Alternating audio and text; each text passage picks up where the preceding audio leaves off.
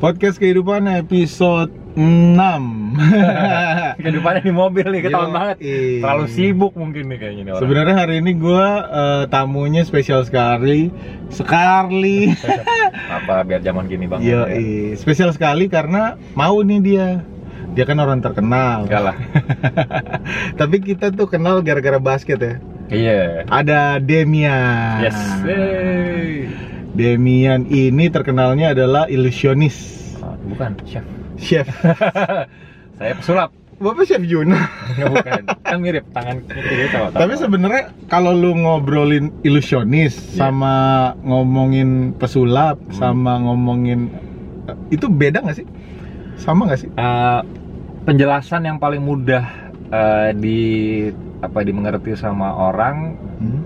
Di luar sulap ya di luar pesulap itu jadi kalau kita bicara pesulap itu seperti dokter Oke. ibaratkan ya diibaratkan itu adalah pesulap adalah dokter Oke. kalau kita bicara ilusionis eskapologis hipnosis mentalis pickpocket itu seperti kayak eh, dokter eh, radiologi dokter mata Oh. dokter THT jadi benar-benar udah spesifikasi spesialis. Spesialis. Nah, kalau- Oke.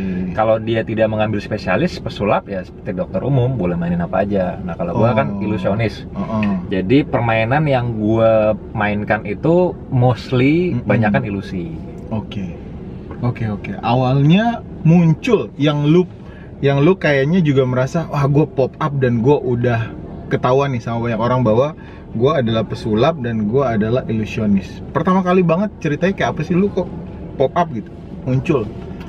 Eh, pertama kalinya tuh gue karena ini sih karena memang ngerasa eh, bahasa yang paling aneh tuh dari kayak sulap itu seperti kayak lentera jiwa gue asik Anjay. berat banget ya sih bahasanya Oke. jadi seperti lentera jiwa gue jadi eh, gue ngerasa kayak gue seneng banget nih di di dunia sulap ini karena eh, gue bisa menghibur orang. Terus yang paling simpelnya adalah gue kerja eh, ngelakuin hal yang gue suka Mm, mm, mm. nah di situ gue mulai fokus tuh tahun 2002 jadi total gue itu sekarang sudah hampir 23 tahun main sulap Oke. nah tahun 2002 gue memutuskan untuk serius tadinya gue sempat kerja nih Oke. jadi salah satu karyawan Telkomsel Waduh. Waduh. nyebut merek kita Ngapain tuh jadi apa sebagai apa? jadi tim leader. Jadi kalau misalnya kan prosesnya itu kalau misalnya masuk mau jadi karyawan tuh eh bukan mau jadi karyawan pokoknya pertama kali masuk ke situ gue jadi yang ngurusin kalau misalnya mereka ada kayak event kecil kayak pameran di Oke. mall. Nah, tim leader itu adalah orang-orang yang bertanggung jawab setiap ada event dia yang ngurusin pendataan eh, karena biasanya ada orang daftar kalau misalnya Hmm. mau daftar bikin nomor baru segala macam itu kita yang tanggung jawab semua. Oke. Nah dari situ gue akhirnya gue lepas semua, gue lepas eh, kerjaan, terus lepas eh, bener-bener yang dulu gue suka basket banget. Akhirnya band juga gue lepas, gue fokus di sulap. Oke. Selama 2 tahun dari tahun 2002 sampai 2004 gue belajar psikologi. Ah, Nah, apa sangkut pautnya psikologi nah, sama orang sulap? mikirnya kan gitu kan. Sebenarnya gini, sulap itu banyak yang orang nggak tahu. Sulap itu sebenarnya eh, 90% itu psikologi, 10% itu trik Oke. Jadi dari situlah gue mulai fokus belajar psikologi sampai belajar sama salah satu teman gue yang kebetulan dia dosen di Atma psikologi belajar di sana terus tahun 2004 gue ngerasa ah gue udah saatnya nih meletek cah meletek sih? Ih, cicak. akhirnya gue oke nih gue cari celah akhirnya dapat lah gue kesempatan ketemu sama Deddy Kobuse masuk manajemennya Ah. terus join sama mereka 4 tahun terus gue masuk punya acara eh jadi bintang tamu acara yang bergengsi pada saat itu Om Farhan kalau lo tahu Oh, di oke. Antv. di situ Nah, mulai pertama. dari situlah debut pertama lu sebagai seorang ilusionis. Apa Ya. langsung pesulap? Dari situ gue sempat jadi bizaris. Bizaris, itu bizaris. apa lagi? Bizaris itu sebenarnya eh, penjelasannya paranormal yang dientertainkan. Nah, jadi kalau misalnya lihat di TV, Ntar dulu, ntar dulu. Paranormal yang dientertainkan. Berarti kerjaan lu baca zodiak. kagak bukan, kagak. Jadi kayak gini. Kayak yang gue lakukan itu semua efek-efeknya berhubungan sama dunia paranormal, kayak manggil hantu, terus Oh. bermain dengan roh. Tapi kita sebenarnya dengan package-nya magic. Oh. Ya di situ lo dulu karena gue senengnya kenapa gue ngambil itu karena gue pengen orang lihat sulap tuh real gitu. Jadi Oh. kalau orang ngomong diem itu pakai jin nih, gue seneng banget. Gitu. Oh. Itu gue Oke oke debut oke. pertama gue Kalau kalau contohnya sekarang yang kayak gitu tuh mungkin si ini ya. lambit limbat. Limbat. Bukan, Bukan. satu lagi yang cewek tuh yang Oh ya benar. yang nggak pernah ngomong siapa namanya? Rihanna. Riana. Kayak begitu. Oh. Seperti itu more or less seperti itu. Cuman Rihanna itu base eh, apa eh, seperti itu cuman dia packagingnya lebih ke ilusi. Packagingnya Iya, ilusi, udah gitu dia packagingnya beda lagi karena dia nggak ngomong juga gitu ya. ya benar benar. Oke oke, itu itu orang lain lah. Tapi sebelum kita bahas meletek lu di 2004 Anjing, mata di, di 2004 dan selanjutnya, kita mau tarik dulu ke belakang sedikit. Hah? Karena waktu itu gue sempet sama lu ngobrol di sini juga nih di Edi Roti Bakar Edi. Sebenarnya kita lagi di area Roti Bakar Iya, Edi ya. kita lagi- Tadi kita habis makan dulu, habis basket, terus makan. Waktu itu gue sempet ngobrol sama lu, bilang lu tuh dulu sempet yang parah banget. Hmm. Terus di sini tuh kerjaannya cuma minum es teh Iya benar. sambil Iya. ngapain? Lu ngapain di sini? Itu eh, lebih tepatnya tahun 2002 sampai 2004. Jadi di, Mhm. di, di posisi di mana gua sudah oke gue fokus, gue merelakan eh, benar-benar fokus di sulap. Jadi gue merelakan semua. Jadi gue berarti kan eh, gue give up apa giving up udah nggak mau kerja Kerjaan Telkomsel, tuh. berarti kan nggak ada gaji bulanan kan. Oke. Ya gue hanya dari sulap. Oke. Nah, gue pengen bener-bener yang terjun banget. Mm. Nah, eh, di kita tuh di sulap itu kalau benar-benar yang seni sulap ya karena kalau kita kalau bicara seni sulap tuh ada ada sulap ada seni sulap. Nah, seni sulap itu lo harus pahami karakter penonton dengan psikologi tadi. Oke. Jadi makanya gue di sini di Roti Hmm. Bakar itu selama hampir kurang lebih 2 tahun, Hmm. gue di sini hampir Lo nggak kerja kan? Nggak kerja gue. Nggak kerja di Roti Bakar kan? Tapi kadang-kadang gue eh, percaya atau enggak makanya kalau ini jujur ya lo kan, kan gue kenal sama semua pengemis ini Iya, ya, ya karena gue sama seperti mereka dulu. Oh. tapi dengan cara sulap. Bedanya gue tidak hidup dari situ enggak. Tapi gue eh, kadang-kadang ya gue taruh aja topi. Oke. gue taruh topi ya orang mau ngasih ya monggo enggak apa-apa. Kalau Lu taruh topi, lu trik, terus abis itu beres udah tutup lu balik. Iya, pulang. persis seperti itu Berulang-ulang setiap hari hanya untuk supaya tahu karakter uh, penonton. ya eh, jadi buat kita tem- gue dan teman-teman itu di sini tuh seperti kayak jungle jadi maksudnya kayak lu nggak pernah tahu penonton yang di eh orang-orang datang di sini dia tidak siap untuk terhibur Oke. kita nggak pernah tahu karakter mereka yang pada saat datang itu apakah dia pengen buru makan pengen pengen santai atau lagi- pengen ngobrol lo bayangin tiba-tiba lagi pengen ngobrol didatengin pesulap kan? Hey, Nah, saya kasih sulap. Iya. lagi lagi makan atau yang eh mau lihat sulap nggak kan itu jadi itu makanya kita bilang di jungle jadi lo harus siap untuk ditolak lo harus siap untuk eh, ya dimaki apa pun itu lo harus siap digeratakin jadi bener-bener random penontonnya itu bener-bener jungle banget Oke, oke, oke. nah di- kita dilatih mentalnya di sini Oke, selama selama lu berada di jalan uh, tes tes penonton, Hmm. tes apa namanya audiens, Nah, uh, yang terburuk, ya, yang, yang respon yang paling nggak menyenangkan biasanya lu dapetin apa? eh, digeratak bisa-bisa Digeratak, misalkan kayak gue diperiksa. digeratak gini kayak misalkan gue oh, ngilangin koin itu ya. Wah di sini nih wah ini nih wah ini di kantong lo kali. Wah. Itu udah. Nah itu kan kita harus punya cara way outnya seperti apa nih? Gitu. Ntar kalau lu jadi ikutan bete kan ribet ya. iya makanya. Nah itu dia makanya mentalnya harus di situ dites Oh. nah terkadang lagi yang paling sebel kalau mereka bergrup Oh. dan anak-anak muda yang wah ini wah bohong lu bohong. Enggak kita harus yang harus sabar ya kan muka sabar Udah- kayak udah gue kasih gratisan lu pengen ngomongnya udah kotor semua di mulut kan udah gitu lu belum bisa berbuat apa-apa karena lu juga belum siapa-siapa. Iya, betul. Iya nggak sih? Iya. Jadi orang nggak kayak oh ini dia sih jadi udah pasti bener nih Iya, sulapnya nggak gitu iya. kan Nah. karena lu juga masih tes dan masih baru oke itu berlangsung selama 2 tahun more or less 2 tahun ya more or less 2 tahun karir lu langsung di 2004 itu mulai naik di acara itu yang tadi lu bilang.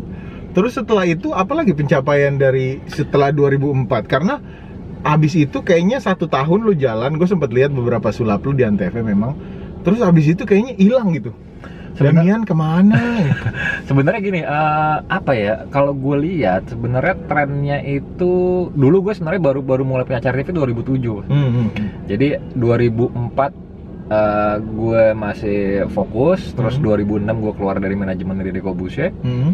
terus 2007 itu debut pertama gue gue punya acara TV namanya Dimen Sang Ilusionis di Iya, ANTV iya. Oke. itu berjalan kurang lebih satu setengah tahun nah begitu satu setengah tahun lo tadi bilang hilang sebenarnya nggak hilang cuman karena sebelumnya TV itu masih sedikit pas Oh, zamannya oke. Antv itu Trans 7 mungkin masih belum terlalu populer pada saat itu ya. Oke.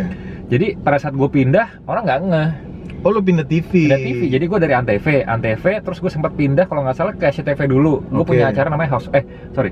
Eh gue punya acara di Antv. Abis Antv gue acara begadang selama satu tahun di Trans 7 tapi malam tuh jam 12 malam tuh acara begadang. Itu hampir setahun gue ngisi setiap eh, seminggu tiga kali Habis itu baik lagi, eh gue ditarik sama CTV bikin acara namanya House of Demian tapi nggak berlangsung lama, cuman 10 episodean lah kalau nggak salah. Hmm. Terus baru masuk lagi ke Trans 7 punya acara gara-gara Magic itu 1 sampai Oh. 2 tahun lah kurang lebih. 1 sampai 2 tahun gara-gara Magic. Berarti jatuhnya itu sampai sekitar 2012-an. 2012 betul. sekali. 2012-an. Setelah itu sebenarnya yang paling kita ingat adalah tiba-tiba seorang Damian ada di eh, Amerika Got Talent. American's Got Talent. Iya.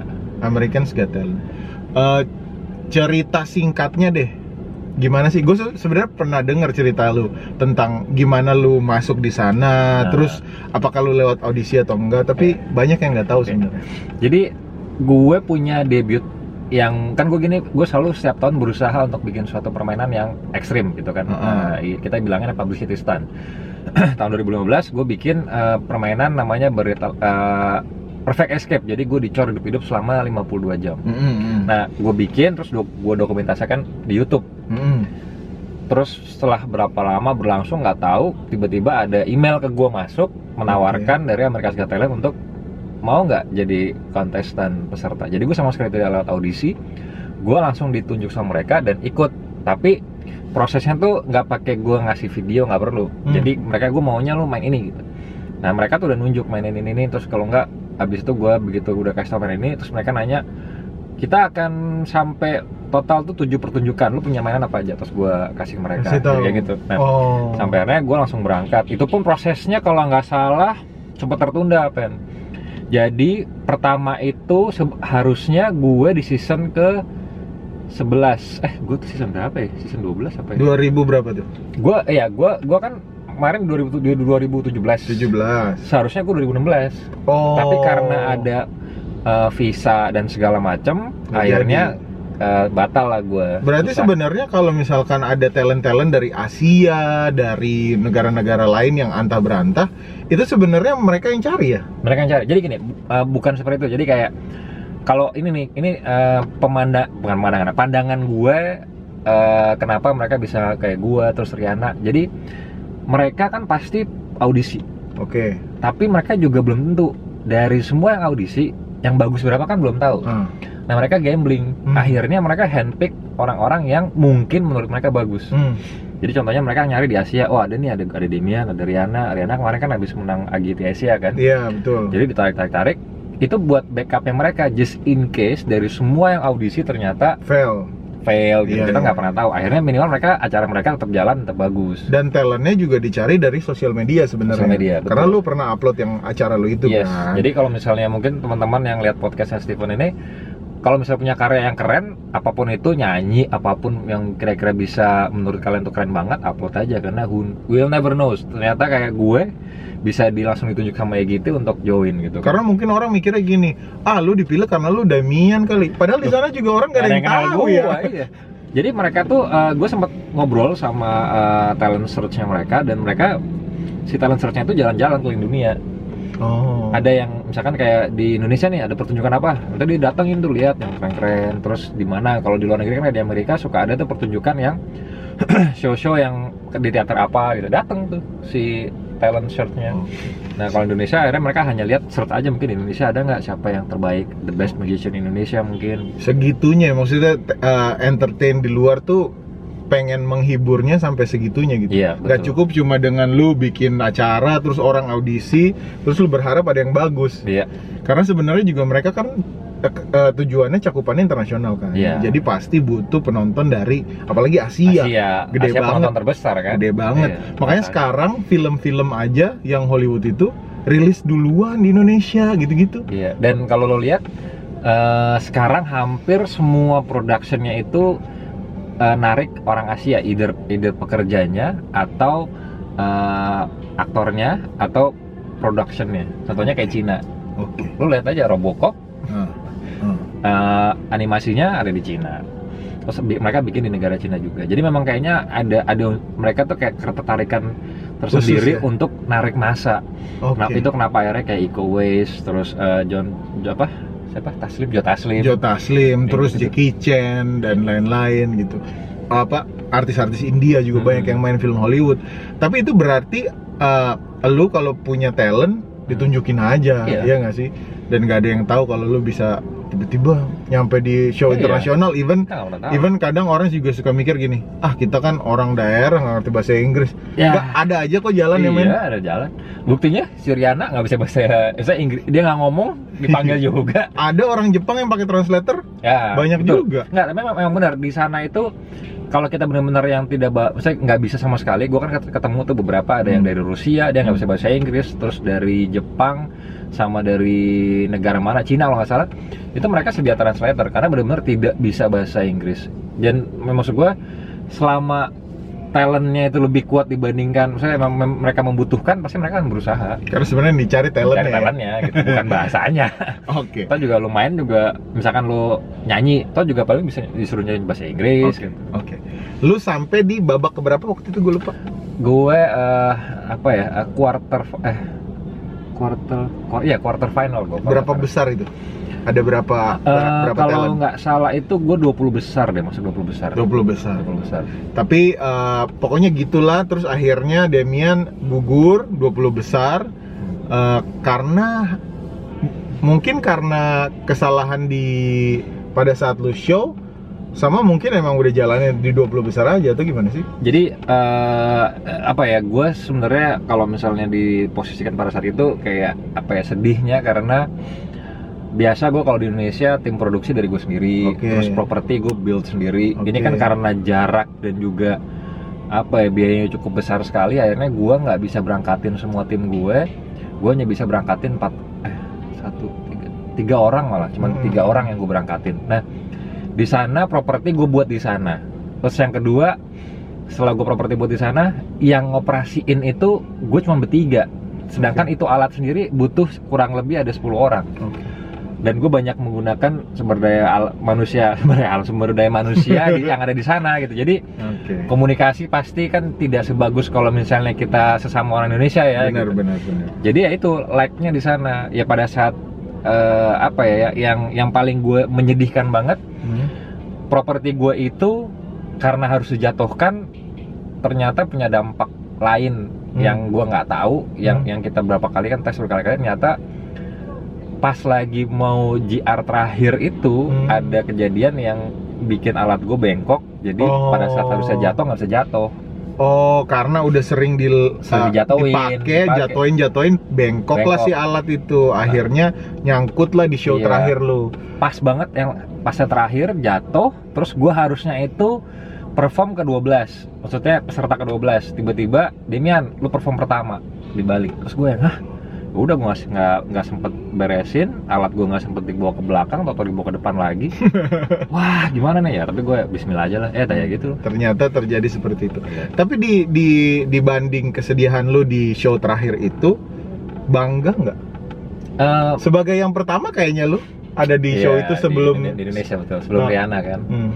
Eh, kalau gue buat pribadi sih bangga Hmm. walaupun di netizen bilang banyak apalah yang iya, jelas iya. lah cuman gue pribadi itu sebuah prestasi buat gue sendiri karena Oh. mainan yang permainan pertama ya sebelum yang terakhir si Dead Drop itu Hmm.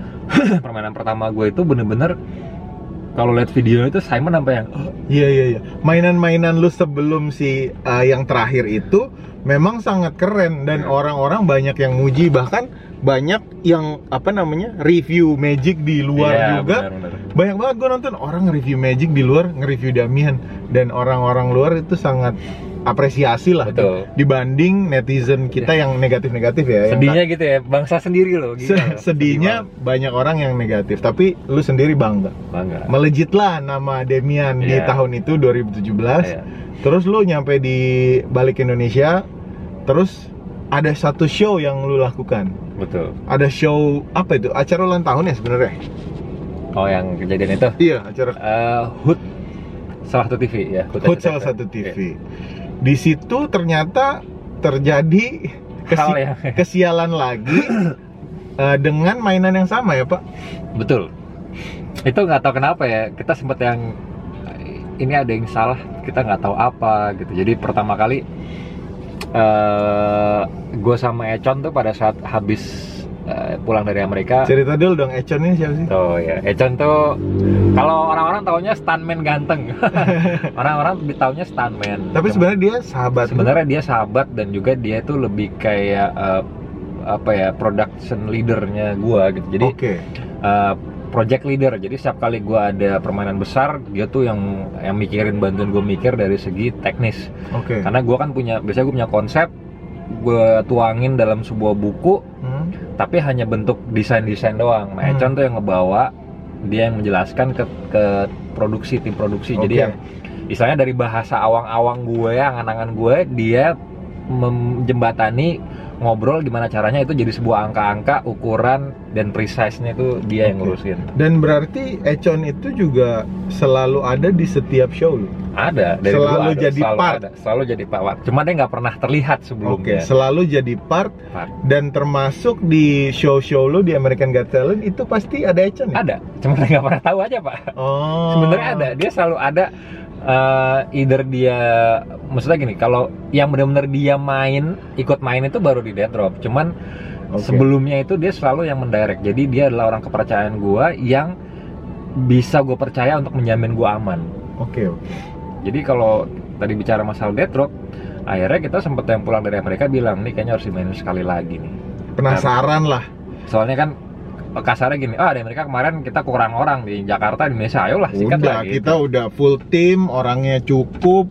Alasan lu tentang di Amerika lu gagal karena orangnya Betul. berkomunikasinya tidak baik, dapet lah di sini. dapat Masuk, Nyata. masuklah dengan datangnya acara hari ulang tahunnya satu TV dan itu live live. keren lah pokoknya Terus main lah lu. Iya. Lu ceritain dong detail dong.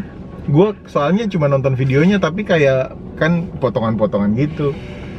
jadi gini eh apa ya eh kita waktu itu belajar dari pengalaman di Amerika oh Hmm. ini bisa bengkok oh ini hati-hati bahaya segala macam oh ini safety-nya ini kalau misalnya gue bicara boleh bicara sedikit rahasianya jadi permainan itu sebenarnya harusnya ya Hmm. 1000% aman Oke. harusnya terus eh, yang di Amerika malah tingkat keamanan safety-nya itu cuma 60-70% Oke. karena safety-nya cuma satu. Kalau yang di Indonesia di Jakarta yang kita bikin kita remake itu tingkat safety-nya itu kita bikin tiga safety. Jadi ada safety yang di kaki-kakinya, terus safety di bagian pinggang. Jadi kalau misalnya kita ada yang jatuh pun itu akan nyangkut. Sama yang terakhir safety-nya itu eh, gimana caranya kalau misalnya ada orang di situ nggak jatuh. Pokoknya kita benar-benar bikin safety banget. Hmm. Dan ternyata eh, ada hal yang Miss. miss. Sebenarnya missnya itu bukan miss yang kita bilang kita bilangnya bukan miss yang kita nggak tahu ya. Eh bukan miss yang wah kita udah perhitungan semua tiba-tiba ini ini di luar itu. Hmm. kita udah siapin A sampai Z nya di luar itu. Ada satu hal yang yang sebenarnya eh, apa ya gua sebenarnya nggak bisa cerita. Cuma intinya itu di luar sesuatu hal yang udah kita persiapkan. Kita udah- Kesalahan alat atau kesalahan manusia? Masa gue cerita di sini Enggak maksudnya cuma cuma cuma, bag- cuma begitu aja kesalahan alat atau sebenarnya human error? human error pak Human error. dan ini sebenarnya nggak pernah ada yang tahu human Oke, error human error. human error Oke, oke, oke. oke. Tuh, jadi itu harus 1000% aman tapi ada satu human error yang akhirnya mengakibatkan semuanya ini fatal Jatuh lah. jatuhlah si Di Econ. dalam situ ada econ. jadi intinya harusnya Hmm. Orang yang boleh membuat box itu terjatuh adalah Econ Oke. tapi Econ belum keluar eh, orang tersebut tiba-tiba mengambil keputusan untuk dijatuhin aja gitu jadi udah Oh. fatal banget sih sebenarnya akhirnya Oh, harusnya teknisnya adalah econ Econ. keluar lalu econ jatuhkan box. Komando dari Econ untuk menjatuhkan gitu.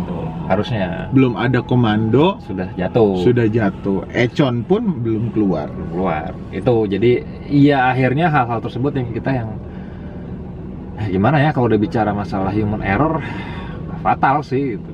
Mm, Dan dan dan hampir dan hampir hilang nyawa ya si Econ sahabat lu sebenarnya udah sempat hilang pak. 4 menit pak. Dia udah meninggal. 4 menit. Oh. 4 menit dia flatline. Jadi pada saat dia masuk ke rumah dibawa ke rumah sakit 4 menit dia flatline Boleh kasih tahu nggak Econ tuh eh, lukanya Jadi eh, Econ itu terlukanya di bagian eh, kan ini kita kita sebenarnya mendesain si tombak itu ada empat kalau nggak salah deh. mm-mm.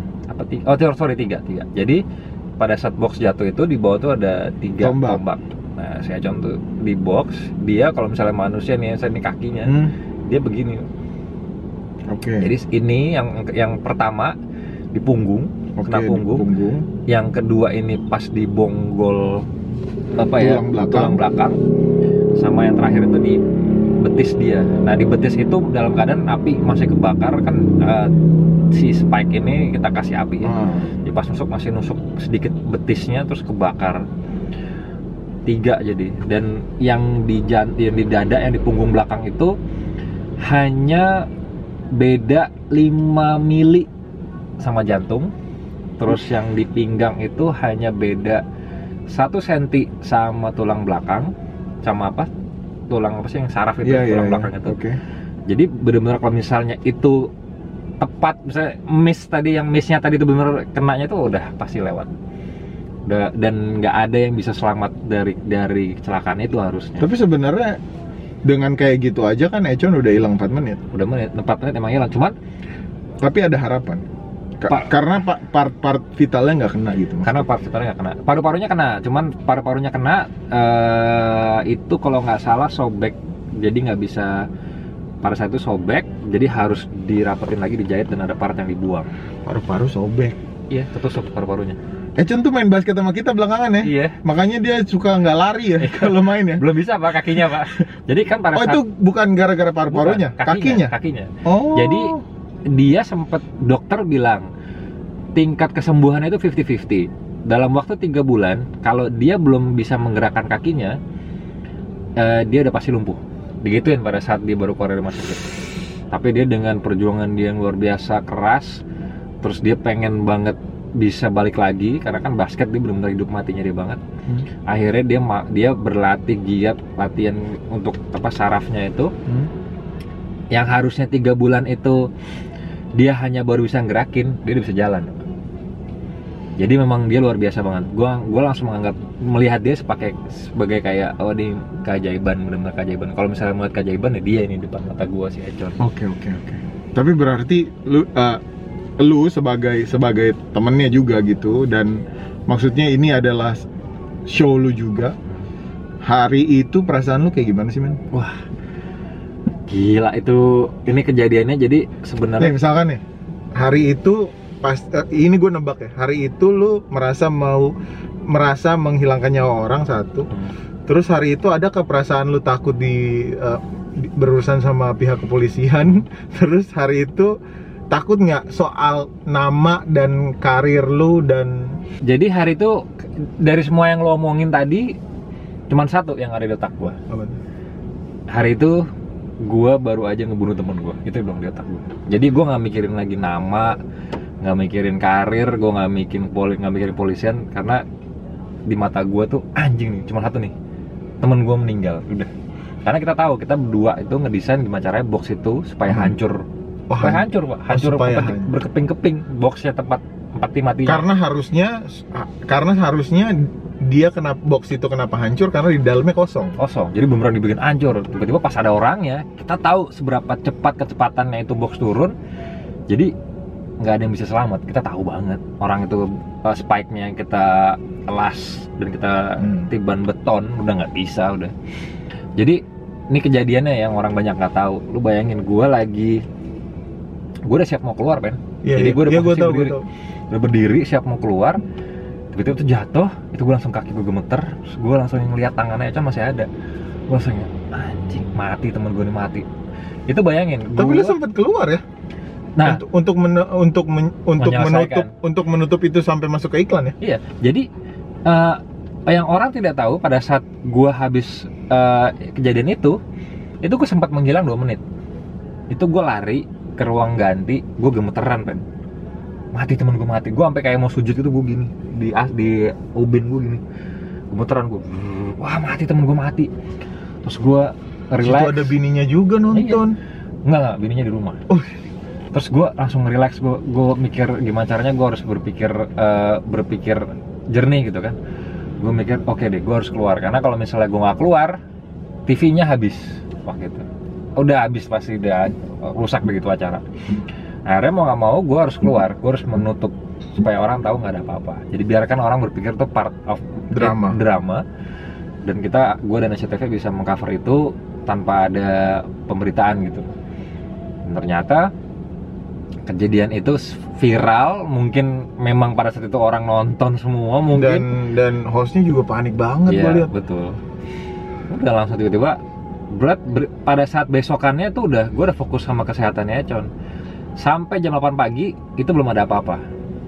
Cuman entah kenapa nggak tahu ya gue mungkin ya nggak tahu lah pokoknya gue nggak tahu salahnya siapa tiba-tiba ada berita muncul ke sosial media ke Lambe Tura kalau nggak salah fotonya Econ lagi di rumah sakit. Nah itu berit itu foto yang foto adalah kita kita jadi internal kita tiba-tiba nyebar gue nggak tahu ke mana. Siapa yang ngasih pokoknya nyebar. Udah. Kelar deh. Gue langsung hmm, langsung langsung maksudnya tahu lah itu yang Iya. yang terjadi sebenarnya. Oke. Berapa lama sih Econ recovery? Setahun ya? Eh, tanggal 29 besok satu tahun pak satu tahun. Tapi Jadi- dia jadi- tapi dia masuk rumah sakit sampai keluar? sekarang kita wawancara tanggal 28 nih. oke. Besok pak. Oh besok besok satu tahun. satu tahun pak nah besok itu kita mau ada kayak syukuran. syukuran. Jadi misalnya kita ya atas kejadian waktu itu kita berhasil lewatin Econ udah sembuh. Jadi progresnya tuh udah setahun. Kita mau syukuran mau yang benar-benar yang ya bersyukur pada Tuhan kita diberikan keselamatan. Econ diberi keselamatan akhirnya semua berjalan dengan baik gitu. Recovery-nya ngeri ya mengerikan. Ya itulah. Dan Tap- tapi? sejarah dalam sejarah sulap ya itu. Itu menoleh menorehkan se- sebuah sejarah. Iya tapi pembelajaran yang sangat bukan lagi ba- sangat berharga tapi apa ya namanya ya, Ya. sangat menegangkan ya. Apa ya pokoknya kalau ada kata-kata yang di atas sangat berharga ya itu. Ya udah ini pelajaran yang gila banget sih yang gue dapet udah. Oke oke oke oke. Tapi tapi tapi Econ nih Econ nih ya. Setelah sadar, lu inget gak dia ngomong apa ke lu pertama kali? lucu pak Siapa? Lu kan jadi pada saat gue nangis nih gue kan gue waktu itu eh, tanggal 30 nya gue harus ke Bandung jadi gue gua harus berangkat ke Bandung The show. ada show untuk ini apa eh eh apa dari grup SCTV lah jadi bikin kayak seminar gue harus datang bintang tamunya kebetulan jadi gue harus berangkat sampai sana. Ternyata gue nggak boleh keluar sama tim dari penyelenggara karena gue udah dicariin sama wartawan semua. Jadi udah di mana? Nggak usah keluar di hotel aja. Udah gue di hotel aja. Dan nggak bisa ngapa-ngapain. Akhirnya gue besokannya tanggal 31 pulang ke Jakarta. Eh 31 ya? Berarti November 31 eh tanggal 30 Hmm. Berarti tanggal 1, tanggal 1 November gue ke Jakarta, balik, diem-diem, malam-malam langsung ke rumah sakit. Di situ Echan udah bisa ngomong, eh udah bisa apa ya berkomunikasi. Hmm. Gue datang ke rumah sakit, gue ketemu Echan, gue lihat dia udah melek matanya, Lu dulu yang ngomong apa dia dulu yang ngomong? dia dulu. Dia ngomong. Jadi gue cuma datang, gue pegang tangannya gue, gue usap tangannya dia, terus dia buka kan dipakai kayak oksigen tuh kan dibuka, terus dia ngomong gini, maafin gue ya. Dia yang ngomong, maafin gue, gue yang gini. Nangis gue langsung, gue bilang, kok lo minta maaf? Gue yang minta maaf. Dia bilang, enggak maafin gue. Karena gue bikin show lo gagal. Gue bilang, wah, gue bilang ini orang sakit jiwa nih orang. Karena ya dia merasa tanggung jawabnya dia di situ kan, Iya, iya. Itu tanggung jawabnya dia. Tapi gue pikir udah lah ini musibah, nggak ada yang salah. Ya kita walaupun kita tahu ini ya salah salah dari human error seseorang, tapi ya udahlah. Ya kita anggap ini udah sama-sama musibah kita lah. Oke. Gitu. Keluarganya Econ juga santai. Maksudnya maksudnya tapi nggak yang gimana sih Demian gitu. Awalnya dia marah sama gue kakaknya, kakaknya Hmm. apalagi yang paling ngebelain. Marah, marahnya dalam arti siapa sih yang nggak marah ngeliat adik Iya, sendiri iya. digituin kan? Hampir Emosi mati, sesaat coy. gitu, emosi Harusnya. sesaat. marah tapi dia cuma satu dia cuma minta oke kejadian ini terus tanggung jawab lu gimana gitu doang ke gue terus Hmm. gue bilang oke Econ semua tanggung jawab gue pokoknya gue yang biayain semua pengobatannya terus gue yang bertanggung jawab sampai dia pulih gue bilang Hmm. gitu jadi akhirnya selama dia kan akhirnya mau nggak mau pada saat kejadian setelah kejadian itu kan kondisi dia kan tidak balik seperti normal jadi kerja susah dan segala macam. Akhirnya gue menanggung dalam arti gini oke selama lu belum bisa kerja lu kerja sama gue jadi gue kebetulan emang abis saat itu begitu dia pulih shownya cepet ada aja show. Ya mungkin karena rezeki Tuhan juga jadi akhirnya gue show ya gue sama dia terus direct biasanya kan dia hanya special event doang nah ini Oke. dia show-show yang off air gue yang biasa pun juga tetap ada Oke. Tapi berarti itu hal hal yang itu lumayan lumayan berpengaruh nggak sama kerjaan lu dari waktu itu sampai sekarang? gue sekarang jadi agak lebih sedikit takut dulu kayaknya unstoppable banget kalau sekarang lebih takut gue pengen Sedikit sedikit punya punya rasa takut juga ya akhirnya. Maksudnya kalau dulu tuh resiko kayaknya ah udahlah bisa kita tutupin. Iya. Dulu gue gak ada takut-takutnya pengen main apa juga yang ah, bisa bisa. Sekarang jadi yang bisa tapi coba deh kita pikirin lagi ya matang-matang jangan sampai udah gitu udah sekarang. Ditambah lagi juga ternyata nggak bisa dibohongin juga hampir sekarang semua event organizer semua klien gua setiap kali nge-hire gua mereka pasti ngomongkan kalimat yang sama. Apa tuh? jangan yang ekstrim-ekstrim ya mas pasti ngomong gitu terus sama pertanyaan kedua adalah aman kan Iya iya. iya. jadi gue langsung yang oh, ternyata nggak hanya berdampak ke gue melainkan hampir semua masyarakat Indonesia Bahwa sebenarnya eh, segitu realnya sulap dan bisa dan bisa celaka dan ngilangin nyawa gitu. iya Luar biasa pekerjaan anda ya, bikin tegang. makanya karena gue sebel kalau ada yang bilang sulap ah trik bajingan. Mamam tuh trik. Kita walaupun memang ada caranya tapi pasti setiap permainan gue ada resikonya selalu. Apa pun itu kan gondok aja gitu. Wah trik ada trik ini gini gitu gitu. Bajingan. Eh, sendiri bilang dong. Ap- apa sih yang paling lo sebel? Gitu ya trik ya? yang gue sebel itu kalau misalnya ada tiba-tiba orang awam atau netizen selalu bilang ah sulap lu mah trik bohongan segala macam. Well apa pun itu tapi setiap permainan gue mainin itu ada resikonya. Ya salah satunya sekarang dead drop tapi alhamdulillah juga dengan adanya kejadian kemarin membuka pikiran orang-orang bahwa sulap itu beneran ya ternyata bisa ada bahayanya. Jadi orang sekarang yang kalau misalnya gue main dikit nih yang tegang pasti gini eh Aduh. itu itu aman nggak? Itu aman nggak? Pasti gitu beneran.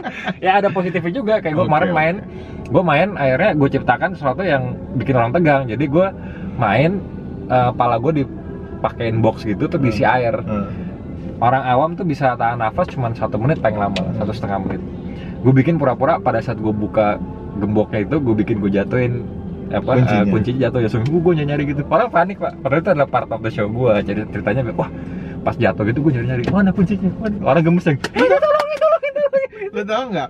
Pas kejadian lu lu gagal di American Got Talent sama kejadian lu gagal kedua di ulang tahun TV itu, gua bahkan nyari uh, video-video gagal magician Hah? di seluruh dunia Hah? dan memang gagalnya parah-parah Iya. sampai ngilangin nyawa magiciannya sendiri. ada yang kepotong ada yang mati Ada meninggal. yang Iya. kepotong bininya Iya, dipotong palanya kan tahu gue dan emang berarti ya pekerjaan lu menanggung resiko apalagi yang triknya memang bahaya-bahaya gitu. Oke, baiklah. Eh, tapi sekarang apa yang baru dari Damian?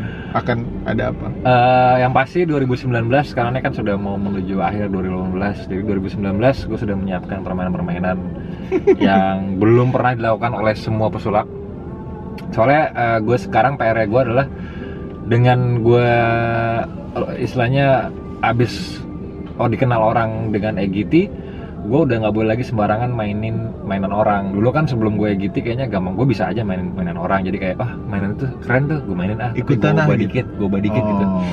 sekarang nggak boleh karena orang udah ngeliat ke gue langsung jadi kalau Har- misalnya gue mainin yang sama Damian harus punya mainannya sendiri. original Kalau bisa orang yang ikutin lo. ya betul sekali makanya gue langsung harus bisa come up dengan suatu hal yang belum pernah orang mainin Berarti pesulap tuh susah juga ya, maksudnya bikin konsep juga, ide kreatif juga. Nah Ya. jadi bayangin pak ya nih ini lu rasakan jadi gue nih Oke. Eh, misalkan kita kalau misalnya mau bikin ya simpel aja misalkan kita bikin kayak tisu ini gitu kita harus mikirin gimana cara tisu ini bisa melayang terbang gitu so terbang gitu jalan-jalan Hmm. Nah itu secara teknisnya kita harus mikirin dulu. Begitu udah ketemu teknis kita latihan. Begitu latihan kita namanya ada kita ada rehearse eh ada practice ada rehearse ya pak. Oke. konsep semua. Dan mikirin dan itu kan nggak gampang pak. Nemunya aja bisa kadang bisa paling cepet dua minggu paling lama tiga bulan. Oke. udah.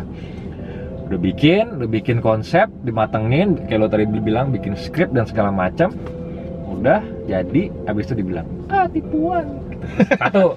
Terus kedua yang susahnya jadi pesulap kalau misalnya lu adalah penyanyi Nah, lo nyanyi eh lu nyetain lagu anggaplah kita bicara band Noah lah hmm. bikin sebuah lagu bikin sebuah lagu oh, satu album bisa dia tour pak Ya. dia main di SCTV nih Oke.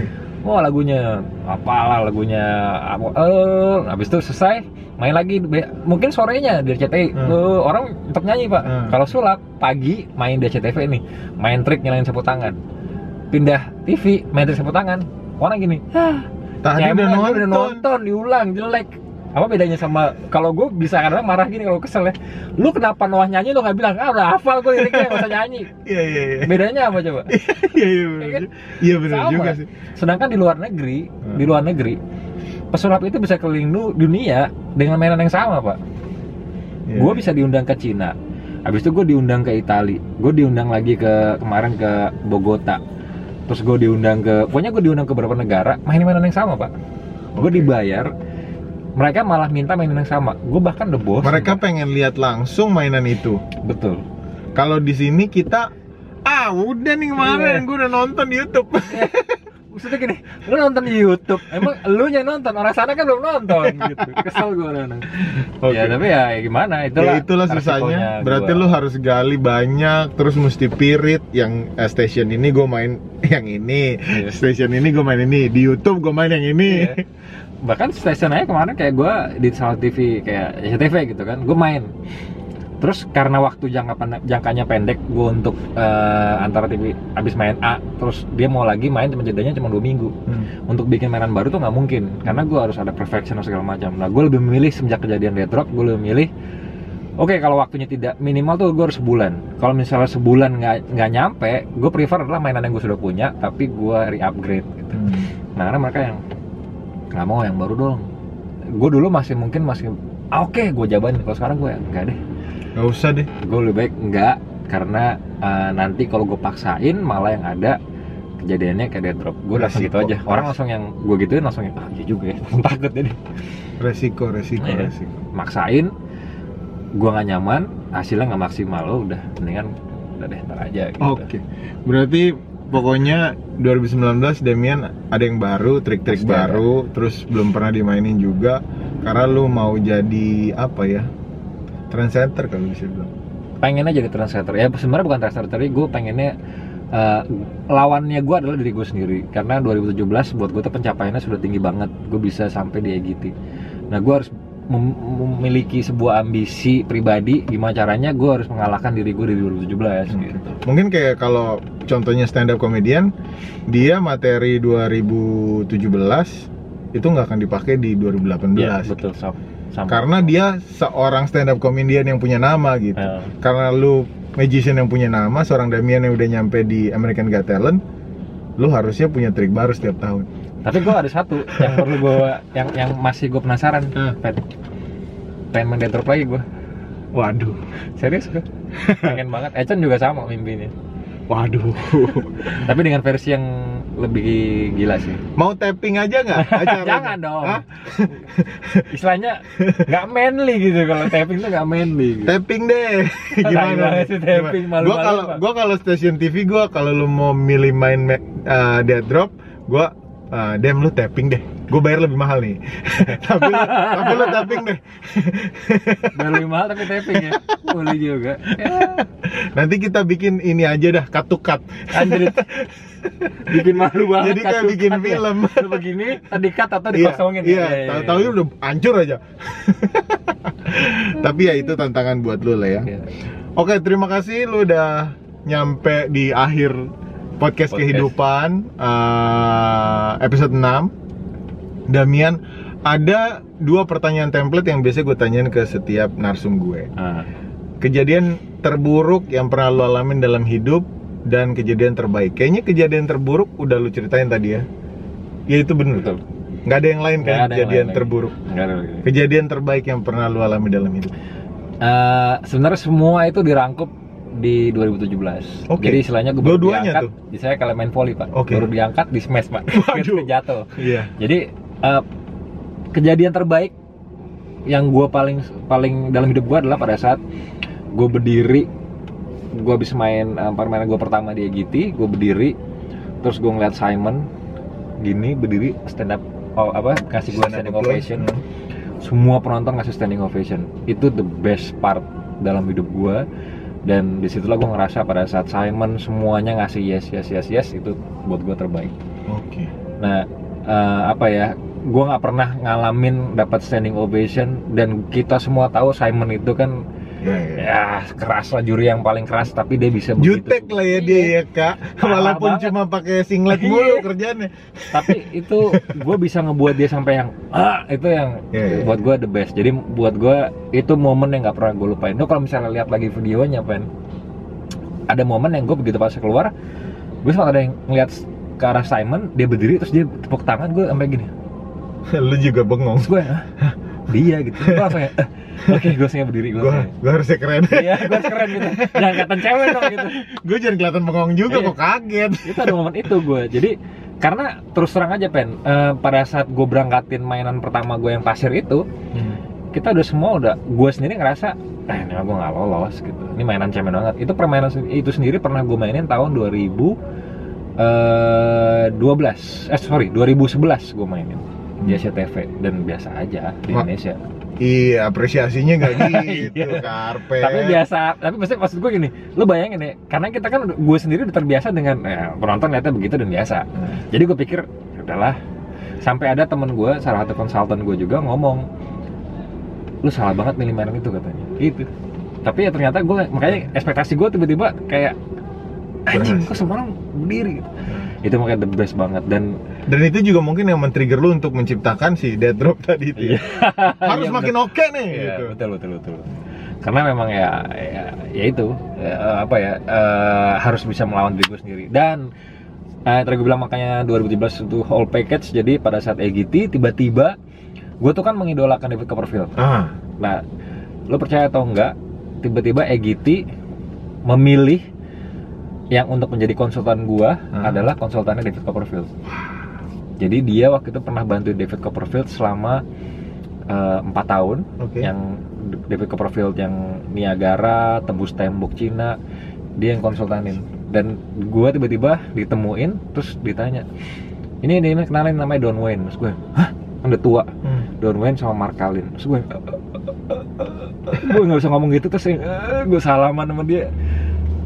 Si orang gitu bilang kenapa? "Eh, enggak gue lu kan konsultannya Copperfield dia yang iya wah gila itu the best banget jadi ya itu Momen terbaik. package, momen terbaik pas EGT semua terbaik di EGT Semua terbaik di EGT. dan terburuknya nggak lama Flopnya di smash di ulang tahun. jadi bener kayak volley das gitu pak udah baru lagi seneng senengnya sedikit di smash pak Baiklah, itu berarti mungkin ini kali ya. Ya itu pokoknya pelajaran. Ya, hidup lah, udah, Ya, Pak. Hidup. Hidup. Podcast kehidupan. ada bapak Steve Mana kayak gue sempurna, sempurna, sempurna. Thank you Damian, terima Sama-sama, kasih banyak. thank you thank you Terima kasih banyak. Sempurna. Gimana sih boy? Coba. sempurna Anjay.